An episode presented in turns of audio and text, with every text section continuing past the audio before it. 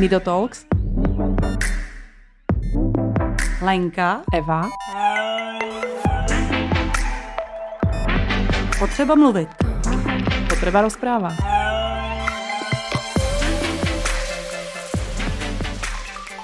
Hezký den všem, vítám vás u dalšího dílu Nido Talks. Dneska jsme tady ve třech, nebo vlastně ve čtyřech, ale jeden nebude mluvit. no, asi nechce a navíc tady nemáme mikrofon. Tak, takže ty jsme tady ve třech, takže zaprvé jsme tady... Zaprvé jsme tady s Evou, tak ahoj. Ahojte všetci. Ano, a pak jsme si pozvali Simonu, tak ahoj, ahoj. jsme si stihli mezi tím potykat. Tak a kdo Simona je? Já možná bych to tak jako neuváděla, ale jak, jak ty se cítíš? Kdo seš? Jako tady, seš tady s náma, že my jsme se ti z nějakého důvodu uh, pozvali, ale uh, kdo je teda Simona? Tak tady jsem v roli člověka, který dělá skoro 20 let v managementu sociálních služeb. To není pravda, vyzeráš na 21. Děkuju. je to, to dvakrát tolik, ale...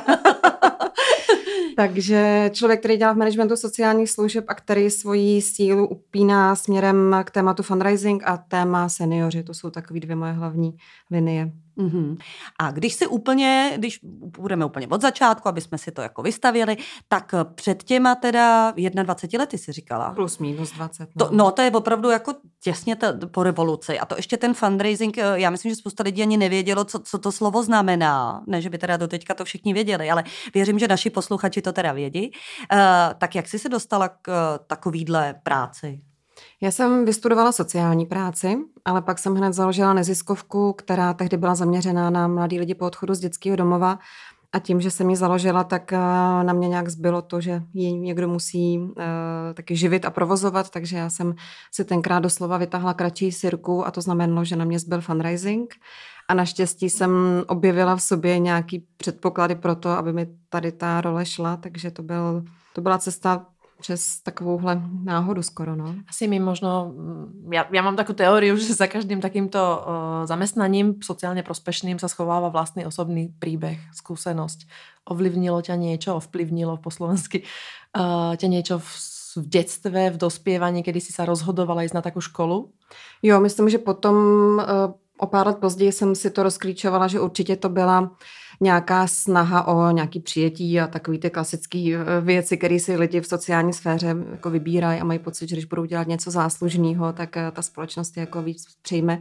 Ale to jsem naštěstí po pár letech v rámci nějaké terapie si pojmenovala a od té doby mě to jako přešlo. Ale mm-hmm. je to pravda, musím říct z té praxe, že potkávám spoustu lidí, kteří tu profesi dělají proto, že jdou tam trošku přes nějakou roli oběti a, a vlastně mm-hmm. si tím něco kompenzují. Tak Takže nějaký vztah tak. jako keby k seniorovi alebo k seniorom uh, předtím bol? Alebo... Ty seniori se tam objevili vlastně až o mnoho let později, zhruba před šesti lety teprve, mm-hmm. protože já jsem v té době se věnovala primárně tomu managementu, fundraisingu, gro mojí práce je vlastně nějaká manažerská podpora projektů, které jsou ve fázi startu nebo restartu, potřebují nějaké strategické plánování, fundraisingové plány a já formou buď konzultací, kurzů nebo nějaký mentoringový podpory jim v tom vlastně pomáhám. Ale měla jsem pocit po těch letech, že mi chybí nějaká přímá práce, protože pořád ve mně byla ta sociální pracovnice. Takže jsem se rozhodla, že budu na jeden den v týdnu dělat dobrovolníka v domově seniorů který byl v ulici, kde bydlím, takže to byl čistě náhodný výběr. A tam jsem se setkala s péčí a přístupem, který nebyl vždycky úplně důstojný a nebyl vždycky úplně kvalitní. Bylo tam spousta fajn lidí, ale spousta takových, který podle mě nemají v tom oboru vůbec co dělat. A to mě hodně ovlivnilo, protože mm-hmm. jsem eh, se setkala s věcmi, které si myslím, že do eh, péče o seniory nebo vůbec do sociální sféry nepatří. A mm, pak jsem musela odejít z toho domova, protože eh, mi bylo řečeno, že mám vysoká očekávání a myslela jsem si, že skončím s tím oborem úplně, že už nechci dělat v sociální sféře, už jsem měla vyřešený ty svoje vnútorné nastavení. vnútorné nastavení. A odjela jsem na dva týdny na stáž do Ameriky, kde jsem eh, navštívila strašnou spoustu hospiců a domovů pro seniory a tam jsem se nadechla trochu a říkala jsem si, že to teda ještě zkusím. A v té době se mě ozvali z jedné z jedný vlastně LDNky uh, za Prahou, že by potřebovali nějakým způsobem přenastavit jaký systém péče, spíš šli po té manažerské rovině, kterou se mnou měli spojenou a tam jsem znova narazila vlastně na neúplně hezký jako zacházení, takže jsme to nějakým způsobem posouvali a takhle se jako řetí zvítězily ty zkušenosti, až vlastně z toho vzniklo to, co dělám teďka. No. Ty si teraz povedala strašně veľa jako informací, mm. které by mě zaujímaly. A určitě pojďme si rozklíčovat jako Ameriku, tej se vrátíme, protože mě zaujíma, jak si viděla tu Ameriku, jak, jak je, čo, čo tam je mm. jiné než u nás. Ten rozdíl. Ale vrátím se zpět k tomu, aby teraz nám nepovypínali všetci jako podcasty, protože tam padlo dost veľa neznámých eh, spojení a mm. slov management fundraisingu, čo to znamená. Pod nám to iba vysvetliť, čom si sa začala vlastne ako venovať. Čo, čo, čo to je, čo si môže polopatisticky představit člověk, který nerozumí vůbec tomu, mm. čo si právě povedala. Jsou to vlastně asi tři otázky, co chci, proč to chci a jak to chci dělat. To mm-hmm. je mhm. nějaká, nějaká linka, kterou provázím ty jednotlivý projekty, jednotlivý lidi, kteří mě oslovují ke spolupráci, aby si udělali jasno v tom, co ten jejich projekt chce změnit, proč ho vlastně založili, jaký má téma, jaký problém se snaží vyřešit. A teprve v dalším kroku přichází na řadu otázka, kolik to stojí a kde na to vezmeme peníze a koho oslovíme. Takže ta moje podpora je daná tím, že tam přináším nějaký vhled člověka zvenčí a snažím se je dostat eh, k tomu, aby si řekli, tohle chceme, tohle jsme my, potřebujeme tolik a seženeme to tady. Předpokládám, že se ti stane, že si tě zavolají na sebe, ale pak se nechtějí hnout, že vlastně jako, že jo, si tě na sebe zavolá třeba pa, paní ředitelka, klasika, no. což je docela ano. klasika, asi i normálně ve firmách, že jo, a pak si ale nechce připustit, že třeba to jde vodní. Hmm. Eh, dá se tohle řešit? Jak kdy? Jsou jako případy, kdy jsme se dohodli, že mm, to nepůjde, Hmm. A jsou případy, kdy samozřejmě já musím být hodně trpělivá na začátku, musím respektovat to, že ta organizace je v nějaké situaci, má za sebou nějakou práci, nikdo nechce poslouchat, co dělá všechno blbě a určitě ne od někoho, kdo tam zrovna otevřel dveře. A, takže jsem tomu jako hodně empatická a snažím se ty lidi dovést k tomu, aby si vlastně sami byli schopni pojmenovat ten problém. No. A někdy to trvá díl a někdy Někdy to jde docela rychle, speciálně u těch zařízení pro seniory, kde eh, máme takový projekt, který se jmenuje Doma, důstojnost, otevřenost, management, atmosféra, kde vlastně pracujeme, dejme tomu půl roku právě s tím vedením na tom, aby bylo schopný pojmenovat si nějaký základní hodnoty, aby bylo schopný poskytnout podporu tomu svýmu týmu a podobně. Tak tam samozřejmě už jsme udělali takový krok, že nechodíme tam, kde se sami neozvou. Já už nechci přesvědčovat lidi, kteří nechtějí být přesvědčení, a naštěstí se teda ozývají sami ty zařízení a to už jsou většinou lidi, kteří mají nějakou sebereflexi a prošli nějakou fázi, kdy si řekli, hele, chceme to dělat líp a nevíme jak, musíme najít někoho, kdo nám s tím pomůže. Takže teď to eliminujeme, protože už většinou chodíme jenom tam, kde ta otevřenost je.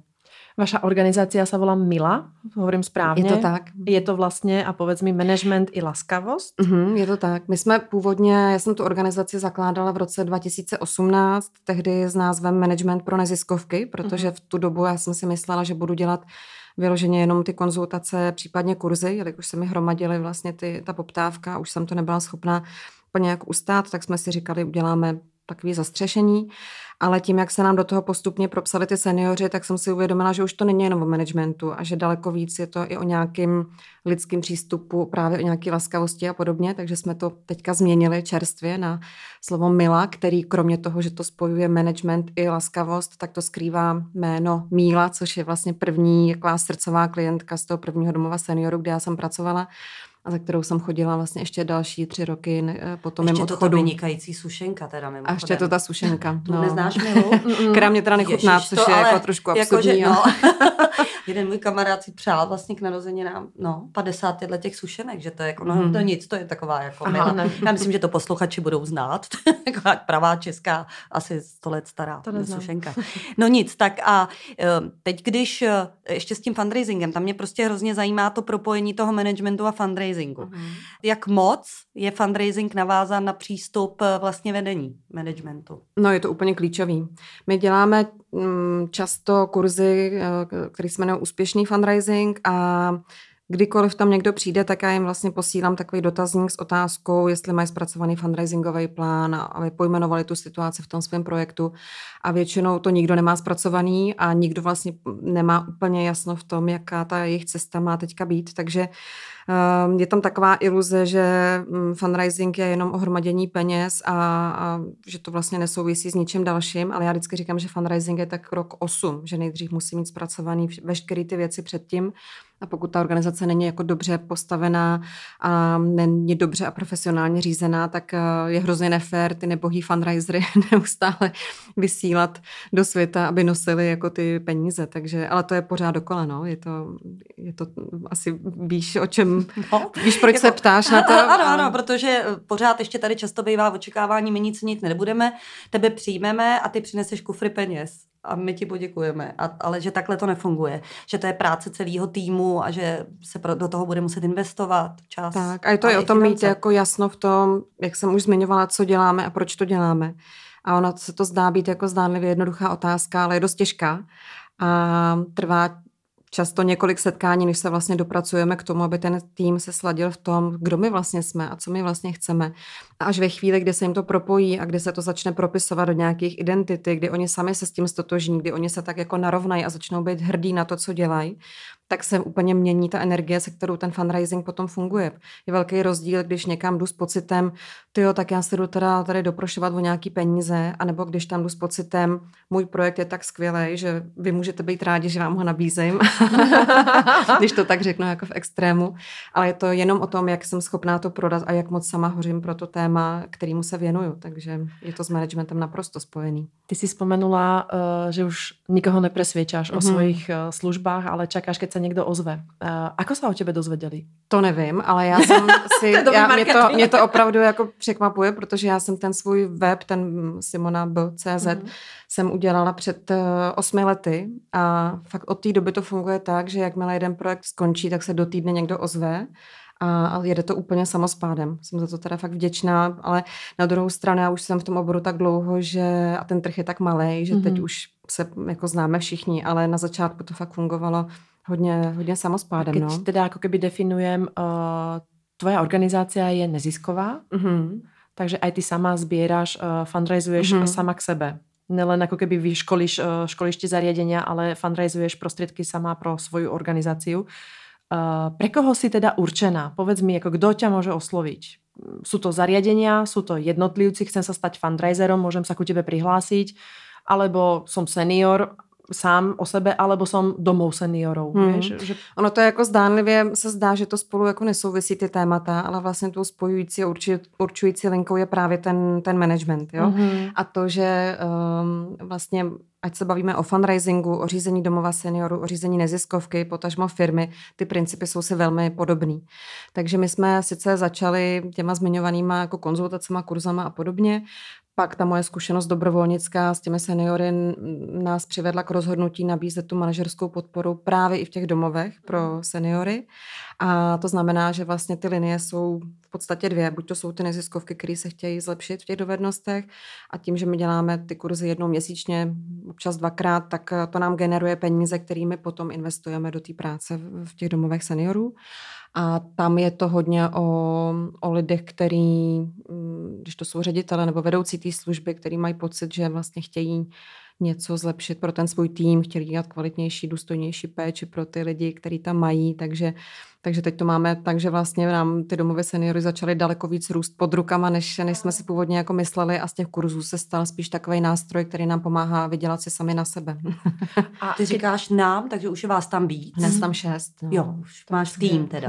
no. A keď, keď, keby si nám mohla povedať, že vždy sa hovorí taký ten úspešný prípad, alebo mm. taký ten success story. Uh, povedz nám jeden, jeden taký, ktorý ti narástol takto pod rukami a skús nám ho opísať. Mm. To znamená, niekto ťa kontaktoval, nejaké zariadenie ťa kontaktovalo.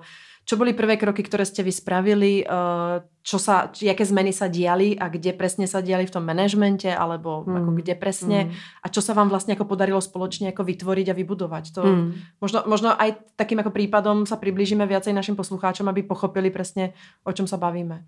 Je to, uh, vlastně se to docela těžko vysvětluje, jsem si nedávno uvědomila, protože hrozně málo lidí zná prostředí těch zařízení pro seniory. Takže věci, kterými děláme, jsou zdánlivě neviditelné a tak samozřejmě, že nikoho nenapadne, že by nefungovaly. Mm. A uh, začíná to někdy tím, že vysvětlujete personálu, pro, speciálně třeba na LDNkách, proč má klepat na dveře, než vejde do toho pokoje. to jsou prostě věci, které jsou vlastně naprosto jako zásadní a Eh, co se týká těch úspěchů, já jsem si uvědomila, že já to vlastně neberu mm, podle toho zařízení jako celku, ale podle těch jednotlivých lidí v tom týmu. Mhm. Ta moje zkušenost je taková, že v tom týmu je většina, většinou takový tři typy lidí. Je tam část opravdových jako srdcařů, kteří jsou často velmi neviditelný a takový jako tiše si tak dělají tu svoji práci a dělají skvěle. Pak je část takových uh, žab na prameni, který bývají často technicky jako skvělý v té práci, ale umě otrávit celý ten tým, tým nějakou svojí, nějakýma svýma mm, komplexama nebo potřebou něco řídit. A drtivá většina je nějaký v nejlepším slova smyslu průměr, kde ty lidi tu práci vlastně dělají dobře. Berou jako práci. Úplně, no. Tak, berou mm. jako práci. A ty nás zajímají nejvíc. A my se vlastně snažíme tady v té největší skupině najít ty, kde cítíme nějaký potenciál, aby se v nich rozhořela ta, ta, ten srdcový přístup, který věřím, že spousta z nich určitě někde v sobě hluboko má, protože tu práci si vybírali s nějakým přesvědčením, aspoň některý z nich. Takže ve chvíli, kdy se nám vlastně podaří tam takhle rozklíčovat si, kdo v tom týmu vlastně je, tak eh, se soustředíme na to, aby jsme eh, zjistili v dialogu s nimi, jakou podporu potřebují, jak vlastně oni se v té práci cítí. Je jako bohužel velmi běžný, že těch eh, ošetřovatelů, pečovatelů, zdravotníků se 20 let nikdo nezeptal na to, jak jim vlastně v tom je. Že se, teď nedávno se mi to stalo na jedné LDNC, kde ta vrchní sestra snad vlastně skoro rozbrečela, že co má asi dělat, když jí tam umřou tři lidi za týden a je z toho úplně vyřízená.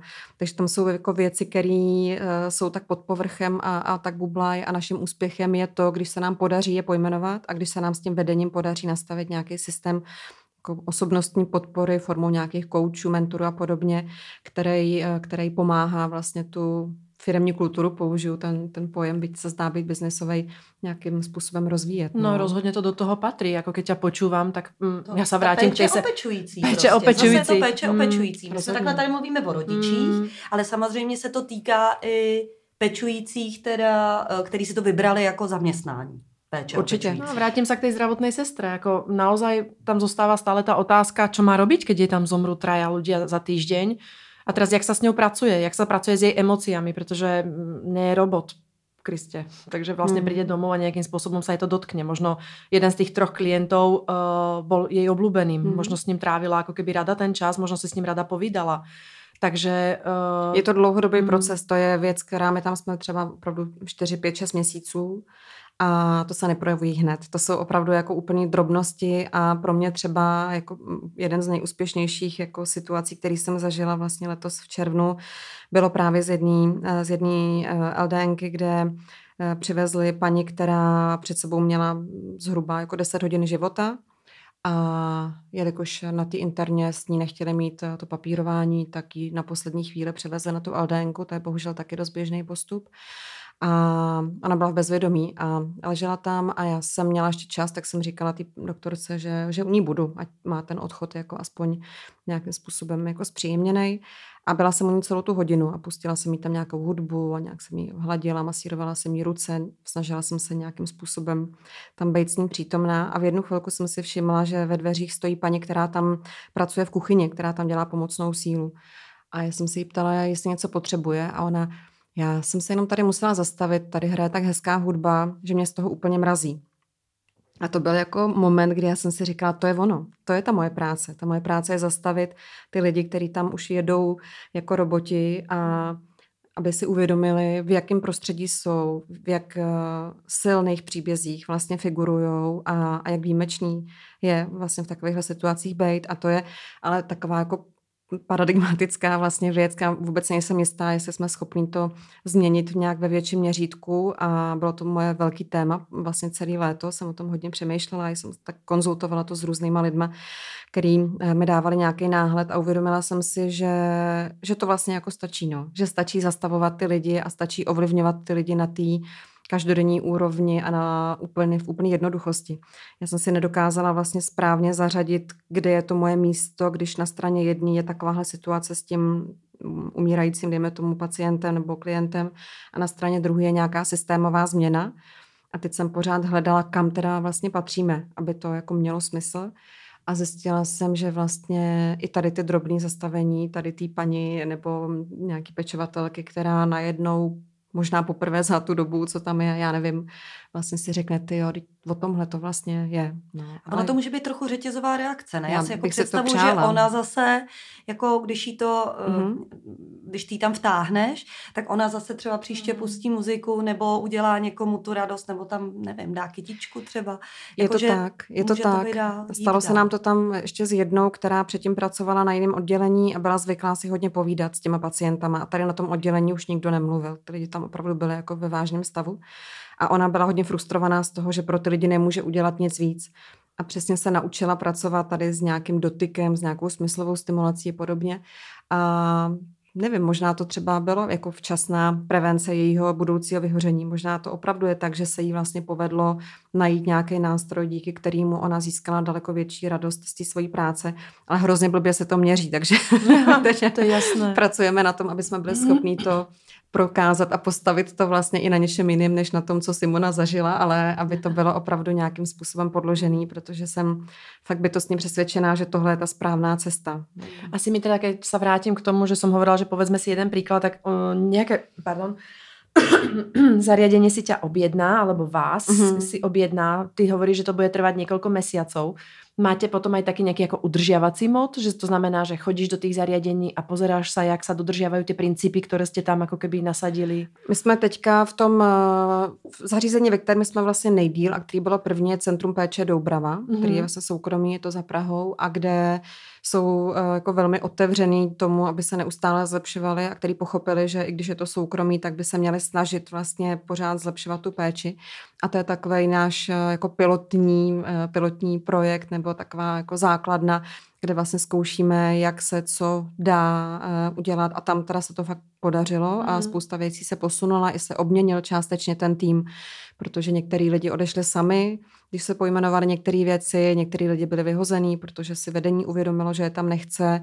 A oni teďka třeba během covidu dokonce měli uh, udělaný to, že si tam pouštěli na chodbě z reproduktorů hudbu sami pro sebe, aby se uklidňovali, že na, už jim to prorostlo do takové péče o ně, o ně samotný, nebo i vzájemně si tam dělali takový posezení odpoledne na půl hodiny, kdy když někdo chtěl si jako chvilku vydechnout a namasírovat ruce nebo něco, tak se mu někdo další věnoval.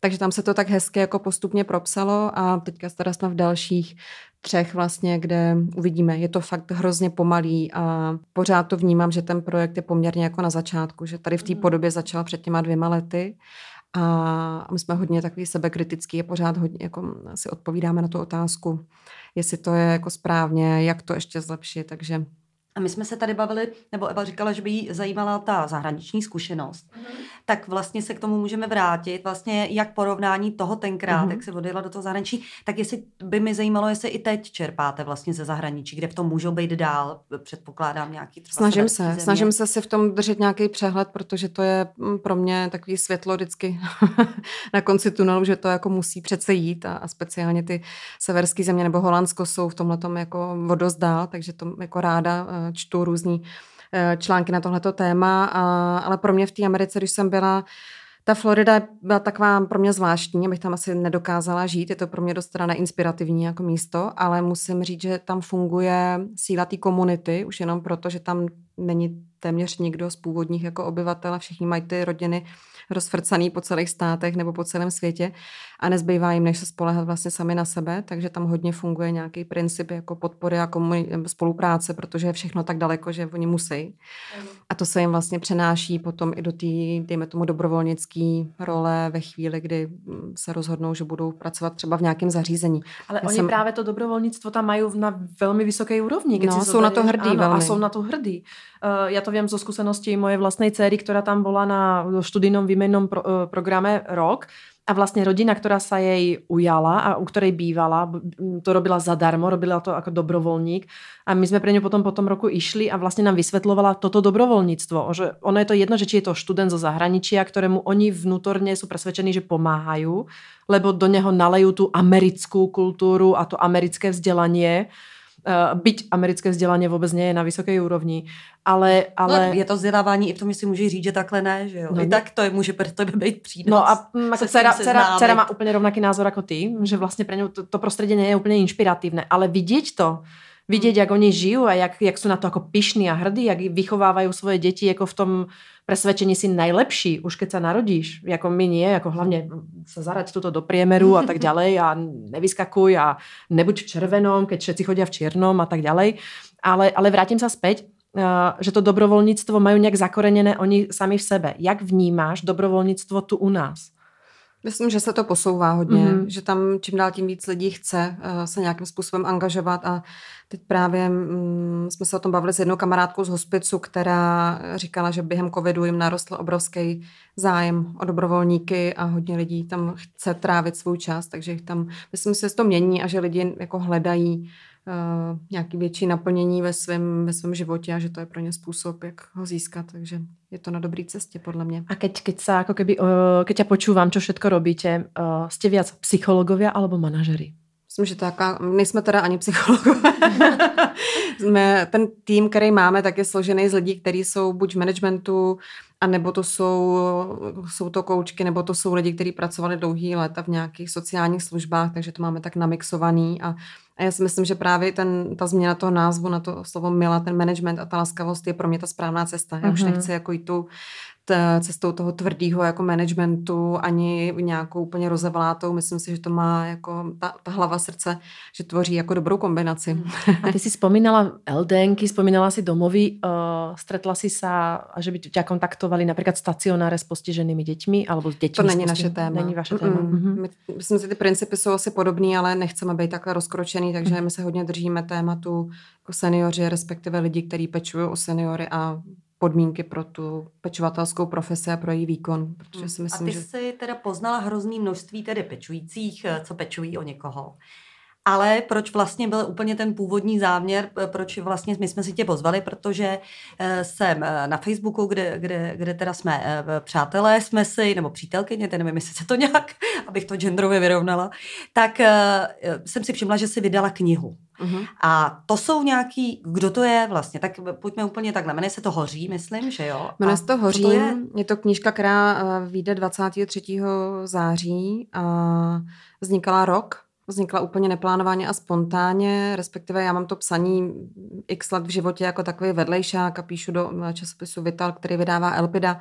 A baví mě to hodně a tady to vzniklo tak, že jsem s jednou ze svých kolegyň právě, která dělá 43 let zdravotní sestru a je skvělá, tak jsme se bavili o nějaký metodice a nějak jsme tam plácli, že by bylo vlastně dobrý dělat nějakou knížku a e, jelikož já taky hořím často, tak jsem hned volala kamarádovi, z nakladatelství Archa, co si o to myslí a on říkal, jo, to vydáme. Takže já jsem hned druhý den začala vlastně s tou danou, eh, která eh, byla na začátku se potkávat, začali jsme se bavit o její práci. Zároveň jsem si vzpomněla na eh, Sašu, která dělá zase v Ostravském hospici, kterou jsem znala z jiného projektu. A takhle se mi vlastně poskládalo pět lidí, dokonce dva muži, který dělají v domovech seniorů nebo v LDNC v nemocnici a který považuji za nejlepší pečovatele, který jsem kdy v životě potkala a mým záměrem nebylo je zobrazovat, eh, nějak jako dramatizovat tu jejich práci a je nějak adorovat, ale ukázat právě zase tu laskavost, lidskost a v tom nejlepším slova smyslu obyčejnost jako úplný základ profese, pro kterou člověk musí mít dar, pokud ji chce dělat správně. A tyhle lidi ten dar mají, takže mluví o tom, co zažívají, co to pro ně znamená a, a tak. Ty jsi se krásně toho dotkla, že nechceme iba vyzdvihnout ich um, tie pozitívne vlastnosti, sú to normálni ľudia, majú, majú pravda, že i, ten, uh, i tú druhú stránku. Skús mi opísať takého skvelého pečovateľa. A vůbec nemusíš jmenovat, uh, či je to mm-hmm. on, ona, uh, či je to prostě jako keby, či to, uh, kdo má nějaké konkrétné jméno, ale keď, keď ho opíšeš, tak v čom, jsou to, mm, jsou to a vlastně všech těch pět lidí, kteří v té knížce jsou, to splňují uh, jako ten skvělý pečovatel je pro mě člověk, který vnímá potřeby toho člověka, o kterého pečuje. Člověk, který eh, ten úvod té knížky, tam to přesně popisuju, že je rozdíl, jestli jdete na pokoj 304 nebo za paní Novákovou. A ten dobrý pečovatel jde vždycky za paní Novákovou a nejde jenom na pokoj. Eh, číslo 304. Jsou to lidi, kteří prostě vnímají, co ty lidi potřebují a umějí se podle toho k ním chovat. Já jsem měla hrozně hezký mm, příběh právě s tím jedním pečovatelem, který v, tom, v té knize je, že jsem během covidu vlastně vypomáhala v jednom domově jako pečovatelka, dobrovolnice a byla tam paní, která má velmi pokročilou demenci a už se sama nenají, absolutně už neví o světě a je potřeba jí krmit. A já jsem jí eh, šla pomoct ze snídaní. A když jsem tam byla jeden den a ptala jsem se, co jí mám dát ke snídani, tak ta jedna pečovatelka říká, dej třeba kolu. Ona má ráda kolu. A já jsem říkala, k snídani? A druhý den tam byl ten František a sám od sebe říká, tahle paní vždycky měla ráda čaj z tohohle hrnečku, tak jí to prosím ti udělej do tohohle hrnečku. Úplná blbost, jo, ale je to, na tom to stojí. To, že vnímám toho člověka v jeho eh, tu jeho identitu, že dodržuju veškerý nebo maximum těch detailů, který tvoří tu jeho osobnost, je nesmírně podstatný. Zase je to taková neviditelná věc, ale pokud všichni dostanou, pokud si celý život děláte k snídaně černý kafe a v domově seniorů vám někdo začne nosit sladký s mlíkem, jako zdá se to nepodstatný, ale v kontextu toho, jak málo už vlastně v tom životě máte eh, prostor si dopřát to, co máte rádi, to je naprosto klíčová věc. Takže abych se vrátila k té tvojí otázce, ideální pečovatel je ten, který chápe důležitost každodennosti a tady těch, eh, těch maličkostí a je ochotný naplňovat a dělá tu práci jako s láskou a s nějakou empatí vůči těm lidem. Mě by zajímalo, když jsi si vybrala tady těch pět uh, pečovatelů, co oni na to, když si řekla, že Aha. o nich budeš psát? Oni nechápali, proč o nich chci psát, když je to, to přece úplně normální. Jasně. No. A já jsem říkala, není to normální. Byla tam hmm. velká skromnost a ale bylo to fakt jako krásný rok, kdy já jsem měla možnost se s nima setkávat a oni se opravdu tak jako hezky řetězili. První byla ta data Dana, o který mluvím, eh, že dělá tu práci přes 40 let, je taková hrozně akční a strašně to baví a teď ji máme právě v tom našem projektu Saša, která, která je z toho hospice, pak je tam Jana, která v 45 vystudovala sociální práci, protože její máma onemocněla Alzheimerovou chorobou a ona si chtěla být jistá, že se o ní dokáže dobře postarat, takže si udělala ještě kurz pracovníka v přímé péči a začala se o ní starat a psala si takový velmi drsný deník, který popisuje i ty věci, které vůbec vlastně nechcete o té péči jako vědět ale, ale které zaujímají úplně nejvíc. Přesně tak. No. A dali jsme to vlastně taky částečně do té knížky a pak je tam František, který je mu 45 a je to vyučený mechanik kolejových vozidel, který se našel v práci s seniorama, je úžasný. A pak je tam Dominik, který mu je 23 a ten je jak z filmu Nedotknutelný, takový rebel s obrovským srdcem a jako strašně zajímavý kluk, který má rád práci s lidma s demencí, protože říká, že každý den může být s nima někdo jiný. že si vlastně nepamatují podle nějakých konkrétních věcí a reagují jenom na nějakou jeho energii, která samozřejmě, jak je mladý, tak to ty lidi tahne.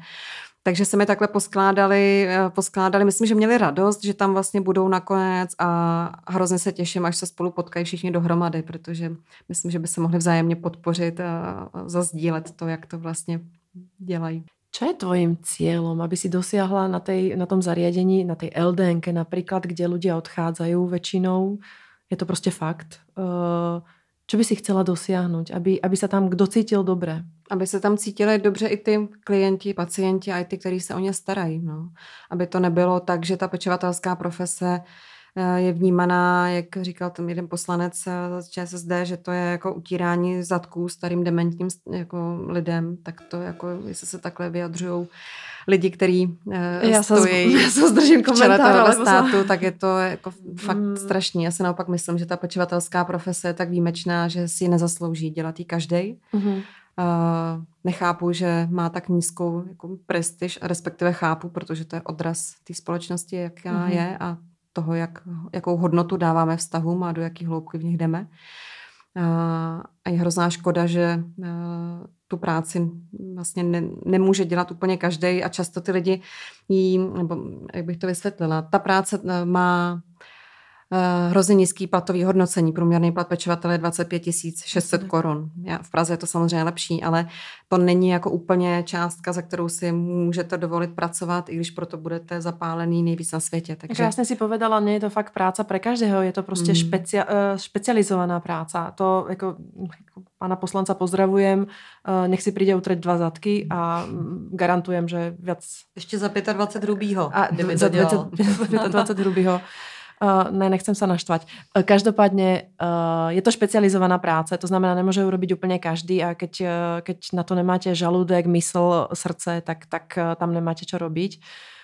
My máme to šťastie s Lenkou, že sa stretávame uh, s asistentami alebo pečovateľami, ktorí, ktorí sú niečím výnimoční a áno, nevždy, pozor, to nehovorím úplne o všetkých, ale jak si spomenula právě těch dvoch, tak, uh, tak přesně takýchto dvoch uh, chlapov a mužov máme my v zariadení. No. A já se přiznám, že přesně si jich jako definovala jeden, má okolo 50 uh, pečovalo svoju vlastnou mamu a vlastně teraz to celé jako keby mm, dospel k tomu, že zmení to svoje zamestnanie. Já sa priznám, že nevím úplně, tiež byl nějaký technik zameraním a, a ten dneska, sa, dneska pečuje o děti s postižením.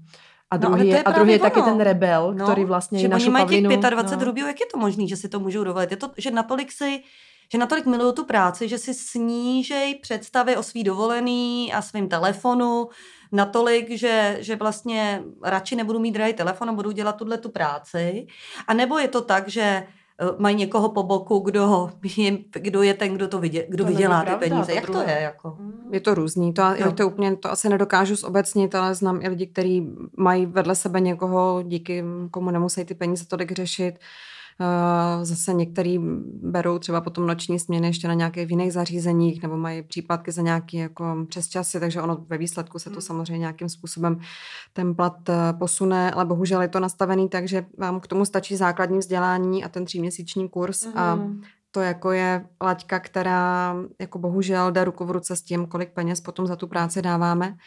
A tam teda úplně necílem, ne, nedokážu si představit, že bychom teda pohnuli s takovýhlema věcma. Mm. Myslím si, že se to pohne ve chvíli, kdy lidi začnou jako dávat hodnotu uh, tomu stáří, odcházení a začnou vnímat to téma. A to je moment, kdy se můžeme začít bavit o nějakých potom systémovějších věcech.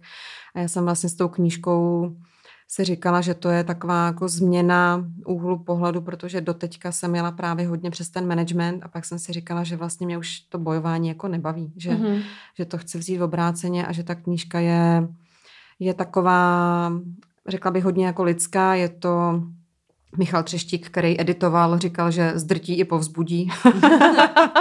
A je tam spousta příběhů, které jsou jako reální a jsou z praxe, jsou takový, že dojímají nebo se u nich i usmíváte a vlastně jsem si říkala, že by bylo hezký v těch lidech probudit uh, jenom vztah k tomu tématu, jenom se zastavit, zase jsme u toho a uvědomit si, že to je vlastně jako neuvěřitelně uh, cený uh, takovýhle profesi v takovém prostředí být, protože mě samotný už jenom to, že jsem byla den Eh, jeden den v týdnu dobrovolníkem v domově seniorů mi to neuvěřitelně jako změnilo život a, a ne, že by mi to úplně přehodilo nějaký hodnoty, to jsem, by jsem měla docela srovnaný dobře, ale vykrystalizovaly určitý věci, které člověk eh, v tom každodenním schonu tolik nevnímá a já jsem se naučila úplně jinak hospodařit se svojí energií, se svým časem a, a mám daleko plnější jako život právě díky tomu, že jsem jako se zastavovala s lidma na konci toho života. No. Takže pro koho je ta knížka určená? Kdo by si ji měl přečíst nebo jinak? Bude před Vánocema, já ji mm. si ji koupím a chci někomu dát, krom toho, že ji pošlu panu poslanci určitě, tak, eh, tak ještě komu, komu bych ji měla teda dát? Kdo je já si myslím, že, že lidi, který uh, to bude zajímat, jsou tak v té mojí generaci okolo těch 40, to znamená lidi, kteří už uh, v rodině často poznali to téma, ať už u prarodičů nebo potažmo u rodičů, kde je potřeba vlastně začít řešit to, že ne všechno už funguje úplně samo, setkávám se často s tím, že mi volají různí kamarádi, že hledají službu pro babičku a podle čeho se vybírat a podobně. Takže to je taková podle mě hlavní, hlavní linie a budu hrozně ráda, když si to přečtou lidi, kteří v tom oboru pracují a který tu práci dělají srdcem a kterým to dodá nějakou energii a ostatně i to věnování v té knížce na té úvodní, když otočíte tu obálku, tak je tam napsáno, že je věnována všem laskavým pečovatelům, protože si myslím, že je potřeba ocenit tu jejich práci a nejim zatleskat z balkónu během covidu a poslat jim jako svačiny, ale taky jako to téma zvedat jako takový s nějakou důstojností a respektem k ním, takže a kniha je písaná jako peť samostatných příběhů o těch lidech, alebo je to vlastně o tých klientoch a uh, tvoji pěti protagonisti z té knižky hrají tak toho vyprávěče. Jak je to vlastně? Je to pět jako... rozhovorů, které já vedu s každým z těch pečovatelů, mm-hmm. pět samostatných rozhovorů a bavíme se o tom, jak se k té práci dostali, o tom, co jim to dává, s čím se potkávají. Tam se jich na jejich největší chyby, které udělali, jsou v tom velmi jako otevřený. Ptám se jich na um, oblíbený klienty, ptám se jich na to, jak vnímají vůbec tu profesi ve společnosti je to psaný hodně tím, že jsem zašla vlastně přátelím nebo s nima do určitý míry spolupracuju, tak eh, tam byla velká otevřenost a velká radost z těch společných setkání a věřím, že se to v tom odrazí, že, že to je pojatý takovým úplně obyčejným lidským způsobem, kdy se vlastně dva kamarádi baví o tom, s čím se setkávají ve své práci. No. Mě to celku asociuje, já jsem čítala, přiznám se, že já nejsem schopná zapamätať si autorov, uh, ale čítala jsem knížku Pět důvodů, které lutujeme na konci života. Mm-hmm. Neznám. Neznáš? Vím, že existuje a nečetla jsem je to, je to silná kniha, je to vlastně kniha o uh, zdravotnej sestre, která působí v domácom hospici a pomáha ľuďom odchádzať v domácom prostredí e, z Anglie a v, alebo v Anglii sa to odohráva a je to vlastne ako forma piatich príbehov o vždycky nejakom inom klientovi, ale ten klient je vlastne iba také ako keby to vyprávění toho, čo, čo lutuje a prečo to lutuje na, toho, na tom konci jako života. A musím sa priznať, že ta kniha ma neskutočne ovplyvnila v tom presne stanoviť si tie priority v živote, aby sa mi nestalo to, že by som niečo potom lutovala. Že by, lebo pretože najčas, alebo všetkých tých 5 dôvodov, ktoré luto, lutovali tí ľudia, boli tie, ktoré neurobili. Nie to, čo urobili. Za to si v podstate ako keby si ich vedeli nejak zdôvodniť, ale lutovali vždy niečo, čo nestihli. Alebo čo prostě neurobili. A vychádza niečo také podobné aj z tvojej knihy? Je tam nejaký jako odkaz? No já jsem v tom byla taková opatrná. Mm. Necítím se být někým, kdo by měl dávat takovýhle uh, silný... Možno ne ty, ale ty tvoji vlastně mm. pěti lidé, kterých tam Já jsem to se přiznám ani takhle úplně nechtěla. Mm. Já mám pocit, že právě strašná spousta knížek, který jako jsou mm, v takovém jako vznosným módu napsaný a já jsem chtěla napsat něco úplně jako obyčejného, normálního, každodenního a nechtěla jsem právě se pouštět úplně do takový, jako do, do nějakého stylu eh, motivační knihy, která mm. má v lidech eh, probouzet nějaký vyšší principy, to jako vůbec se k tomu nesměřovalo. A protože mě zají, jako samotnou zajímá ta každodennost a ta, ta, ta jednoduchost vlastně, jak je to všechno vlastně strašně jednoduchý, když Jasně. člověk jako chce. Ale samotnou mě to stálo spoustu energie, spoustu sil a času, než jsem se dopracovala k tomu, kde jsem teď a e, jsem ta poslední, kdo chce někomu jako radit s něčím, to absolutně se na to necítím a myslím, že to ani nejde předat, že to jsou věci, které člověk si jako musí keď projít. preruším, ono mm-hmm. to mhm. ne, neboli ani jako rady do života, ani tam nebylo na záver mm. napísané explicitně, tak tento příběh byl o tom, uh, Já tě majte, majte, vše, majte vždy otvorené Ale vzťahy. nějakým ne... způsobem to z toho, ale, z toho ale lezlo. vyplývalo mm. to z toho a každý si z toho zobral to svoje, ale kam smerujem ještě s mojou otázku, celku by ma zaujímalo, protože mm, je to spojené s odcházením, jako to tvoje téma a s tím, s tím vyšším vekom člověka. Uh, jak v tom figuruje rodina? Jak sa stretávate s rodinami a uh, jak vnímate rodiny, že pečujú o seniora, jak, jakú máme kultúru a ešte trošku pridám ten svoj osobný, osobný príbeh. V Tanzánii sú domovy dôchodcov, nie sú stacionáre pre postižené deti. Uh, tam, keď sa narodí člen rodiny a byť tá rodina ho v 13 rokoch, keď je to chlapec, pošle prostě na obriezku a musí začať e, pásť kravy, aby si zarobil na prvé kravy a prvých 5 kráv znamená prvá žena, je tam mnohoženstvo a tak ďalej a môže sa vrátiť domov, až keď bude mať prostě minimálne jednu ženu ale uh, predpokladá sa, že sa o svojich rodičov, ktorí ho do tých 13 rokov vychovali, postará. Uh, takže oni to mají nějak zakoreněné sami v sebe a vysvětloval nám ten princip, ten sociální princip, který tam vlastně jako je tak stanovený nějak uh, rodině, tak uh, jak, jak vnímáš ty z toho všetkého, co robíš, jak my jsme vychovaní sa postarať o našich rodin, rodičů? No, myslím, že to všichni vidíme. že to jako není uh, žádná hitparáda. A to, jakým způsobem vypadají ty služby pro seniory, je jako definitivně odraz toho, jaký, už jsem to zmiňovala, jaký máme vztahy a jak vnímáme to téma stárnutí, jakou hodnotu dáváme stáří, jaký přínos vnímáme ve stáří a je to, je to samozřejmě jsou rodiny, které se starají a jsou rodiny, které se nestarají. To je tak vždycky. Potkávám oboje, potkávám lidi, kteří jsou ochotní pro ty své blízký udělat první, poslední. Potkávám rodiny, které se staví akorát, když něco potřebují a nechci to úplně asi jako zobecnit, kterých je víc, spíš než eh, z pohledu rodiny se na to dívám z pohledu toho tématu, který nemám pocit, že je pro společnost úplně zajímavý. Eh, I ten způsob, jakým je komunikovaný v médiích, není úplně jako šťastný. Ukazují se buď eh, ty seniori chudáci, nebo seniori nějaký hrdinové, ale vlastně se absolutně nepracuje s tím základem. Během toho covidu byla na seznam zprávách taková reportáž, jak se žije v domově seniorů, kde ta pečovatelka běhala s kamerou na nějakém ochranném štítu a, a natáčela to a roznášela omalovánky těm klientům a říkala, vybarvěte mi to, minule jste to tak hezky vymalovala.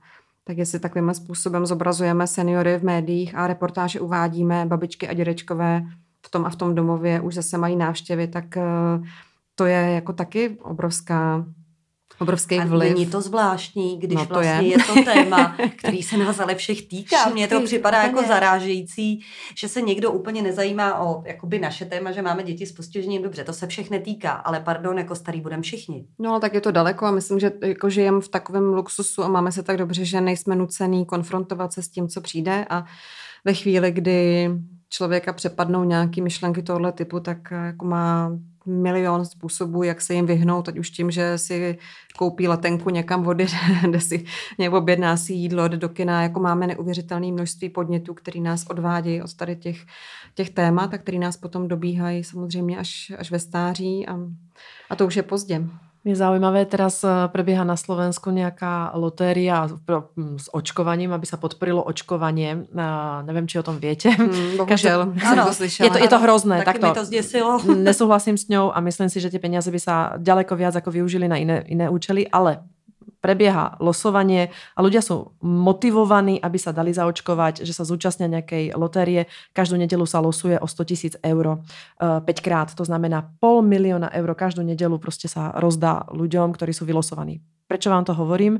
Po roku a pol nás navštívili rodičia teraz, lebo sú zo Slovenska a moja mama sedela v nedelu pri televízii a teraz ako čakali, že či im z tej televízie zavolajú, nezavolajú, že či ich vylosovali. A moja otázka bola, moje, moje mama je 71 rokov a pýtala som sa jej, čo by si kúpila za tých 100 tisíc. A ona, no 20 tisíc tebe, 20 tisíc bratovi, 20 tisíc neviem komu.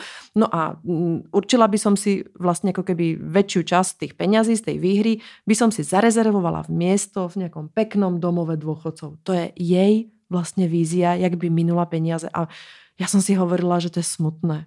Že to je strašně smutné, že vlastně moja mama má jako ešte, ešte vidím, že má, je vitálna, má život pred sebou, Uh, nevidím tam ten koniec, ale ona už takto pragmaticky uvažuje, len aby som vás nikoho nezaťažovala.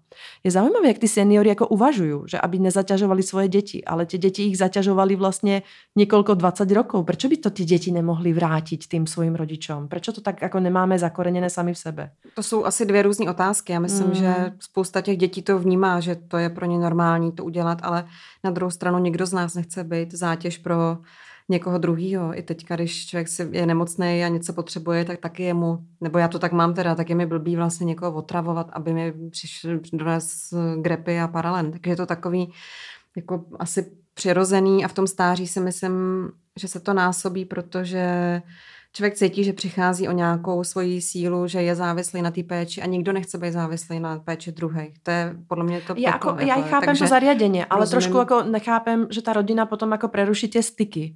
Že vlastně jako tam je, tam je, čo je důležité, aby, aby prejavili zájem, aby, aby chodili, aby přišli a navštívili toho svojho rodiča. Já nevím, nevím, nebo nemyslím si, že by přerušili jako styky, to je, je to strašně individuální, mm. jo? Mhm. tak jsou samozřejmě rodiny, které už jsme to zmiňovali, se o ty své blízké starají doma, dokud to jde, protože to vnímají, jako, že to je naprosto přirozený. Moje, uh, moje, se to bavila s rodičema a moje máma to takhle měla se svojí babičkou, že absolutně neexistovalo, že by ji někdy někam dali a domluvili se s nějakou sousedkou, když byla babička v práci, aby se o ní postarala, že bude potřeba. Já si nedokážu absolutně představit, že bych eh, svoje rodiče někam dala, že ty vztahy máme jako silný a, a, a je to pro mě důležitý uh, se o ně postarat a je to o tom, jak, co celý život člověk buduje a jak s těma vztahama pracuje, tak se mu to podle mě jako vrací. No? A to, mm. takhle to je asi potom v případě těch, který mm. třeba eh, některé věci ani ne, že by nechtěli, třeba nezvládli prostě dořešit, vykomunikovat. Ty vztahy jsou strašně složitý a každý v každé rodině je něco, každý má nějaký problém, každý má nějaké třináctý komnaty a projevuje se to různým způsobem. Můžou tam v té péči nastupovat i různý strachy, když je to člověk, který onemocní demencí. To je jako strašně zátěžová věc, kde najednou z toho vašeho blízkého se stává někdo, koho vůbec nepoznáváte. Eh, možná to jenom ten pečující v tu chvilku nezvládá, protože ho to děsí, nechce si připustit ten konec. Je to hrozně křehký a, mm. a hodně hluboký téma. Jsem jako opatrná v tom zobecňovat, jak to funguje nebo nefunguje. No. Děkujem, to určitě. No, mě ještě s tou knížkou. Mm-hmm. Kde si ji můžeme koupit. My dáme asi nějaký odkaz zase do toho článku, ale bude i normálně jako do knihkupectví? Hmm, bude, bude do knihkupectví od 23. září. Ten bude k dostání a my už jsme teďka udělali, protože mi chodila spousta zpráv na Facebooku, když jsme dali takovou první, takový první, eh, první fotky, tak jsme udělali předobjednávky na našem webu www.mila.je a tam je záložka Hořím a tam je možné tu knížku si objednat a já jsem si z toho udělala takovou terapii, že tady ty objednávky přes web budu sama balit a posílat a dám si k tomu víno, pustím si hudbu, budu si tam, dělám si z toho takový, takovou jako dílnu. Věnováníčko taky bude věnováníčko. A, bude, jako náhle jich bude tisíc, upozorňujem na karpalné tunely, které no. ti odpadnou, protože já, já balila knižky. No, tak já se na to hrozně těším a už, už teďka začaly ty objednávky chodit, tak z toho mám radost a ano. začínáme to pomalu hodně přes Facebook mm. promovat. A jako Lenka hovorila, je to nádherný darček na Vianoce. Mně to mm. přijde také jako darovat takovou knihu je rozhodně viacej, než uh, flašku vína.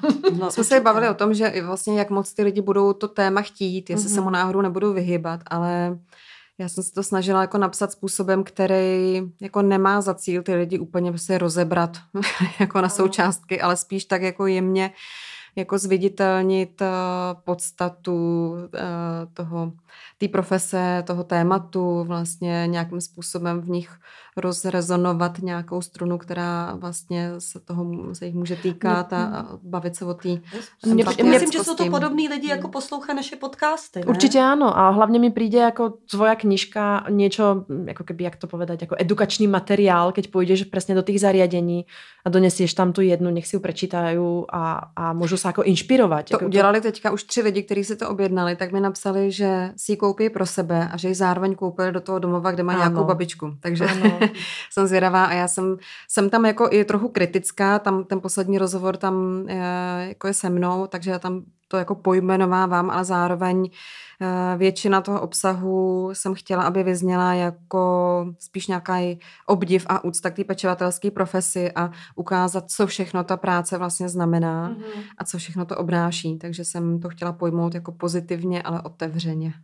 A jsou tam i fotky? Fot... Jsou tam a fotky, kdo to fotil? krásný. Fotila to moje kamarádka Jana Bergerová, která eh, se proto nadchla a vlastně všichni ty lidi, kteří na té knize pracovali, ať už Jana jako fotografka nebo Michal Třeštík jako editor, Anna Isa Šotolová jako grafička, tak eh, jsou to vlastně všechno lidi, kterými jsou blízký, se kterými jako hodně souzníme a, a dělali to s velkou radostí a s velkou, s velkou lehkostí a zapálením, tak doufám, že se to odrazí eh, i, i na tom výsledku, až to budeme držet v ruce. Ani já jsem ještě nedostala, protože je v tiskárně teďka, tak jsem na to zvědavá ale bylo to hrozně fajn a Jana, která to fotila, tak eh, je člověk, který umí velmi dobře zachytit emoci toho každodenního okamžiku a mhm. hrozně se jí to povedlo, tak z toho mám velkou radost, že, že tam právě její fotky jsou. A bude nějaká autogramiáda no, nebo něco? To určitě ne. Já bych sem jako, mně by se to líbilo i v tom domově seniorů, že by to bylo takový ne, jako... Myslím, že to, ne? jsem dost realista, myslím, že no, já moje nevím. autogramiáda by asi nebyla úplně, úplně Ještě je zajímavá. možná brzy se ptát, ale cítíš, že to je takzvaně první kniha a bude druhá kniha? No já určitě to, já jsem začala psát do toho Vitalu a vlastně teď mi dochází, že já jsem první článek psala, když jsem se vrátila z té Ameriky, že mi Jirka Hrabě, který je vlastně ředitel Elpidy a zároveň šéf-redaktor Vitalu, zavolal, jestli nechci napsat eh, článek o té stáži a já jsem říkala si blázen, já nemůžu psát přece nic a Napsala jsem to no, dokonce cestou v letadle tenkrát, jako zpátky, jak jsem byla tak plná který toho. rok, aby jsme si to představili, Já, nebo to přibližně. Před těma pěti nebo lety, no, třeba, pět, no. šest let. Hmm. Takže cestou zpátky do Čech jsem to napsala v letadle vlastně na první dobrou, protože to jsem tím absolutně žila. A jemu se to líbilo a od té doby tam píšu pravidelně, ale nejenom na tyhle témata, je to jako různý. A vlastně na tom pozoruju, jak mě to baví. Teďka ještě nově relativně vedu mm, pro reportér přílohu Umění darovat, kterou vydává nadace VIA. Takže to psaní se mi čím dál tím víc dostává do života a ta knížka ve mně jako úplně otevřela tady ten směr a zjišťuju, že to je, že to je to, co bych jako ráda. Neříkám, že úplně na plný úvazek, ale rozhodně tomu chci dávat větší a větší prostor, a tady ten formát, který jsem zvolila u té knihy a ten způsob rozhovorů s lidma, který jsou vlastně nenápadný, neviditelný, ale hluboký a mají co říct, tak je něco, co mě baví a co bych eh, jako ráda si udržela jako téma, ať už formou knížky nebo nějakých jako článků, ale myslím, že to je ten způsob, jak inspirovat a otevírat ty témata jako relativně pozitivním způsobem. A keďže jsme začali tím fundraisingom, uh, půjde výťažok knihy na nějaký uh, konkrétní účel, alebo je to ne, iba... ona, jako ty knížky jsou tak drahý dělat, že budeme teda rádi, když se to zaplatí. Když se zaplatí ten náklad, jasně. Když se zaplatí ten náklad, ale máme domluvený, a to já ještě nebudu úplně prozrazovat, ale máme na listopad a na prosinec domluvenou spolupráci s jedním úplně úžasným produktem ano. a tam bude 100% jako věnováno nám ale to nemůžu říct. a ještě, ještě se vrátím k tomu fundraisingu, jako mm-hmm. jsme to otvorili, že ty máš vlastně jako keby neziskovku, máš z lidí. Uh, jak získáváš prostředky ty prechod svojej organizace? No právě já jsem se teď dostala do nějakého úplně zlatého období asi. My jsme zlatého dolu. my jsme měli jako loni úplně nejúspěšnější fundraisingový rok, vůbec nechápu. Za celou, já to beru jako fakt zúročení té mojí práce. A Musím říct, že jsem s tím fundraisingem vlastně nikdy moc problém neměla, nechci to zakřiknout. A bylo to přesně daný tím, že jsem vždycky fundraizovala na věci, o kterých jsem byla bytostně přesvědčená.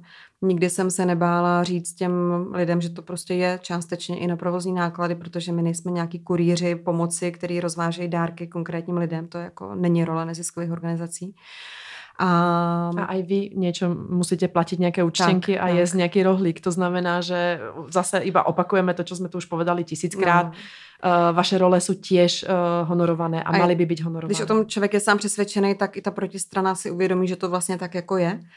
No a vlastně loni se nám stalo, že nás oslovil nadační fond Veolia, eh, který jako dlouhý roky sledoval tu moji naší práci a nabídnul nám, aby jsme se přihlásili do uzavřeného výběrového grantového řízení kde podpořili 8 projektů, mezi nimi i nás, takže jsme dostali na vlastně 3x 300 tisíc jako na tři roky, což je dost jako unikátní přístup, že máme jistotu ještě na dva roky dopředu. A pak jako úplně zásadní byl eh, krok mýho kamaráda Honzy Kalába, který je poměrně jako úspěšný, anebo respektive čím dál tím úspěšnější umělec a který mi volal, že by chtěl něco teda v rámci covidu udělat a jestli mu nemůžu poradit nějaký projekty. A já jsem mu poradila nějaký, kromě toho našeho, že mi to připadalo blbý.